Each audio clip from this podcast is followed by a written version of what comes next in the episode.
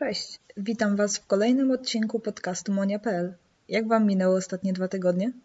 Ja się totalnie wypaliłam czytając komentarze w internecie na temat strajków kobiet i sytuacji z Mansonem. Nie wiem skąd w ludziach, a zwłaszcza w Polakach, tyle nienawiści do kobiet i osób z macicami ogólnie. Jestem jeszcze w stanie jakoś przyjąć to, że e, faceci z kompleksem samca alfa wpisują te wszystkie obrzydliwości, ale lwią część tych komentarzy dodają kobiety. Do you people have no shame? Tak więc większość czasu starałam się złapać e, balans słuchając Milky Chance i oglądać RuPaul Drag Race dla równowagi, ale zahaczyłam o kilka nowszych rzeczy, o których Wam opowiem w dalszej części podcastu, więc kubki w dłoń i zaczynamy.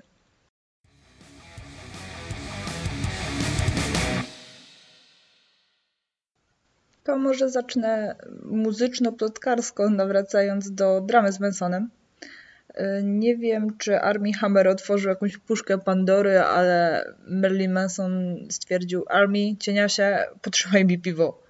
Ale long story short, y, Marilyn Manson to pseudonim artystyczny 52-letniego Briana Hugh znanego głównie z działalności muzycznej, ale też malarza i osobowości telewizyjnej. Do 2003 roku wydawał całkiem dobre płyty, aby następnie stać się tym, z kogo zawsze szydził, jarmacznego cyrkowca, który szokuje bez bronienia tego swoją twórczością. Manson y, znany był zawsze ze swojego specyficznego poczucia humoru i rozbuchanego ego. Z tym, że mało kto odnotował tę cienką granicę, kiedy Warnerowi odjechał pociąg i stał się edgy boomerskim mizoginem, homofobem i antysemitą. I jedna z jego byłych partnerek przerwała milczenie i opowiedziała o tym, jak nią manipulował i terroryzował fizycznie i psychicznie. Za nią ustawiły się inne skrzywdzone przez niego osoby, tam partnerki i współpracownicy. Szambo, jakie wybiło wśród fanów Mansona po prostu było tak przerażające i owszem, Dużo ludzi podeszło zdroworozsądkowo do tego wszystkiego i przyznało, że no to strasznie kiepskie i odcinają się od niego, ale spora część zaczęła uprawiać w ogóle radosny victim shaming, e, bo baby chciały klapsa, a teraz chcą wydoić go z kasy. Także no straszna żenada. No i główny argument to, e, że tak długo nic nie ujawniały, a teraz chcą sprawiedliwości. I to jest tak mega obrzydliwe, że po prostu brakuje mi słów. Po samej reakcji w ogóle fanów e, widać, jak ciężko ujawnić się z tym, co je spotkało. Więc nic dziwnego i no też zaleczanie jakiejś traumy i wrócenie do równowagi psychicznej e, no potrzebowało czasu. Także serio te dziewczyny to aktorki czy modelki, w ogóle no jakieś znane tam osobowości, Także no nie potrzebują się kąpać w jakimś wątpliwym blasku tego dziadersa, żeby poszerzać zasięgi czy dorobić. No, strasznie kiepskie argumenty. Co więcej, każdy argument gloryfikujący oprawcę, jakby się go, no, obojętnie nie lubiło za jego twórczość, a zawstydzanie i stawianie ofiary w złym świetle jest zwyczajnie po prostu obrzydliwe. Liczy, że Mansona spotka zasłużona kara? Ale bardziej by mnie wszystko zadowalało, gdyby ludzie otworzyli oczy i zaczęli myśleć troszeczkę szerzej, zanim coś napiszą w internecie i, i zajmą stanowisko w danej sprawie. A wy co sądzicie? Zapraszam was do sekcji komentarzy, chętnie poznam wasze opinie i jak odnosicie się do całej tej sytuacji.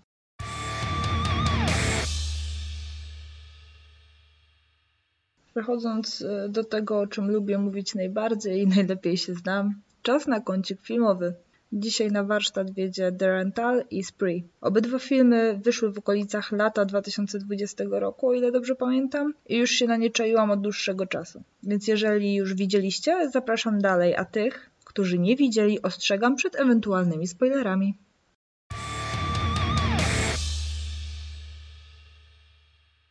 Chciałabym zacząć od filmu The Rental, jego polska nazwa to Lokum. E, film miał premierę 23 lipca 2020 roku i wyreżyserował go Dave Franco. I tu ciekawostka, jest to brat znanego aktora Jamesa Franco i mąż Alison Brie, grającej jedną z głównych ról w filmie, o którym będę mówiła, oraz kojarzyć ją możecie jako Annie z jednego z moich ulubionych sitcomów Community. Film opowiada weekendową historię dwóch par, które wynajmują willę nad morzem, aby odpocząć. W rolach głównych mamy wspominaną już przeze mnie Alison Brie, e, Sheila Wand, która była fenomenalna w horrorze o dziewczynie, która wraca nocą sama do domu i serdecznie Wam go polecam. Remiego Alena White'a, szerszej publiczności znanego z roli Lipa z Shameless oraz jednego z moich top aktorów Dana Stevensa, znanego ostatnio m.in. z serialu Legion czy z Eurowizja Historia zespołu Fire Saga.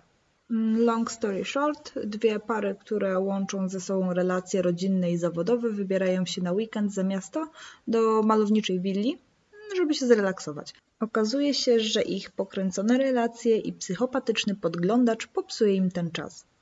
Zapowiada się super kryminał, co nie? No, plus Dan Stevens w jacuzzi? Hm, otóż nie. Jezu, jak mnie ten film rozczarował, to nawet nie był średniak. A tak się na niego napalałam jak szczerbaty na suchary. Fabularnie ten film absolutnie nie trzyma się kupy. Niby jest jakiś ciąg przyczynowo-skutkowy, ale wydarzenia są przewidywalne i generalnie to mogłoby być cokolwiek, nie wiem, jak wyniósł śmieci i się przewrócił kompletny banał, który teoretycznie coś za sobą pociąga, ale ogólnie, no mówię, to mogłoby być wszystko. Generalnie wszyscy główni bohaterowie są strasznie nudni, są antypatyczni i w połowie filmu już zaczynasz kibicować temu e, czarnemu charakterowi, żeby się ich pozbył, więc jak już jesteśmy w ogóle przy czarnym e, charakterze, to do końca w sumie nie wiadomo kim był i o co mu chodziło, bo ile początkowo można było wnioskować, że podgląda ludzi w wynajmowanych mieszkaniach i że ich krzywdzi, tak jak na końcu widzimy, e, no nie zawsze to jego podglądanie się tak kończy, że zostają te osoby zamordowane, więc tak w zasadzie nie wiadomo, jaka jest tutaj główna pobudka tego, tego, tego człowieka i, i też w ogóle ten motyw z psem, który zaginął i jakby stał się tym motorem napędowym szaleństwa jednego z bohaterów. Mm. Tutaj po prostu się wszystko zrobiło niejasne, bo ten, ten, ten pies po prostu wrócił do domu, jak to wszystko się skończyło, więc w zasadzie jaki był cel tego wątku z tym psem, co się z nim stało? Znaczy, o co chodzi w ogóle? No i ogólnie y, działania bohaterów i przeprowadzone przez nich dialogi są super kiepskie, są bezsensowne, jakoś no jakby się oglądało momentami, nie wiem, trudne sprawy. No nie polecam tego filmu i nawet obsada, która była naprawdę spoko, no tego filmu nie ratuje.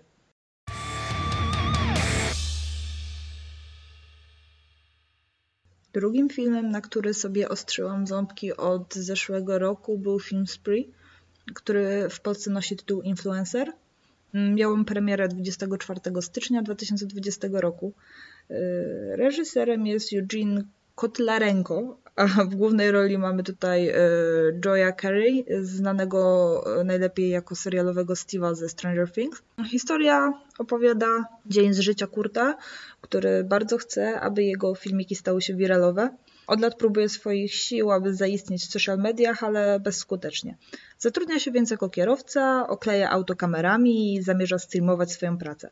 Nadal nie przynosi to oczekiwanych rezultatów, więc postanawia wdrożyć w życie swój plan ostateczny, który nazywa hashtag Lesson. Przygotowuje zatrute wody oraz e, wyposaża auto w broń. Wożąc niezbyt sympatycznych klientów, zabija ich streamując to na żywo. Jednak e, trucie ich wodą okazuje się być mało spektakularne, więc Kurt ucieka się do coraz bardziej e, wyszukanych sposobów pozbywania się tych klientów, byleby zwiększyć swoje zasięgi i oglądalność.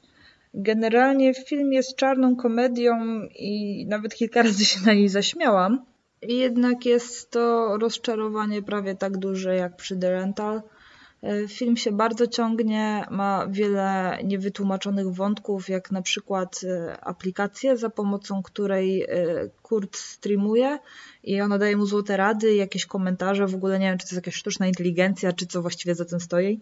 No i generalnie czuć, że tutaj był fajny pomysł i aktorsko Jokery to fajnie poprowadził.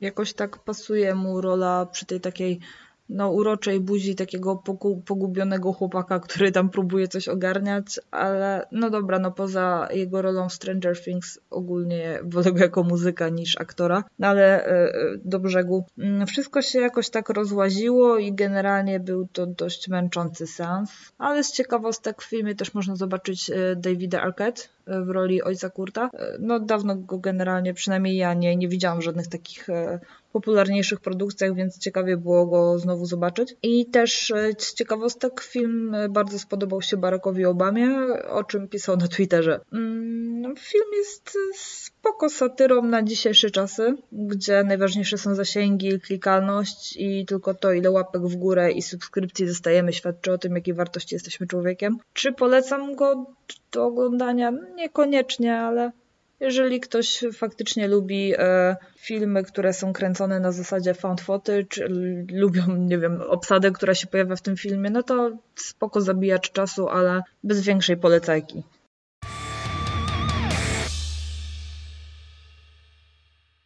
Tyle jeśli chodzi o recenzję, bo jak mówiłam, utknęłam w swoim safe place z Milky Chance, RuPaulem i zimowym wydaniem przekroju. Od marca ruszam z mailami dla osób subskrybujących, także zachęcam do zapisywania się i zachęcam również do wspierania zbiórki na Bindery, o której mówiłam w zeszłym podcaście. Akcja trwa jeszcze do 14 lutego. Link w opisie podcastu. I to tyle. Dbajcie o siebie i trzymajcie się cieplutko. Pozdrawiam. Pa!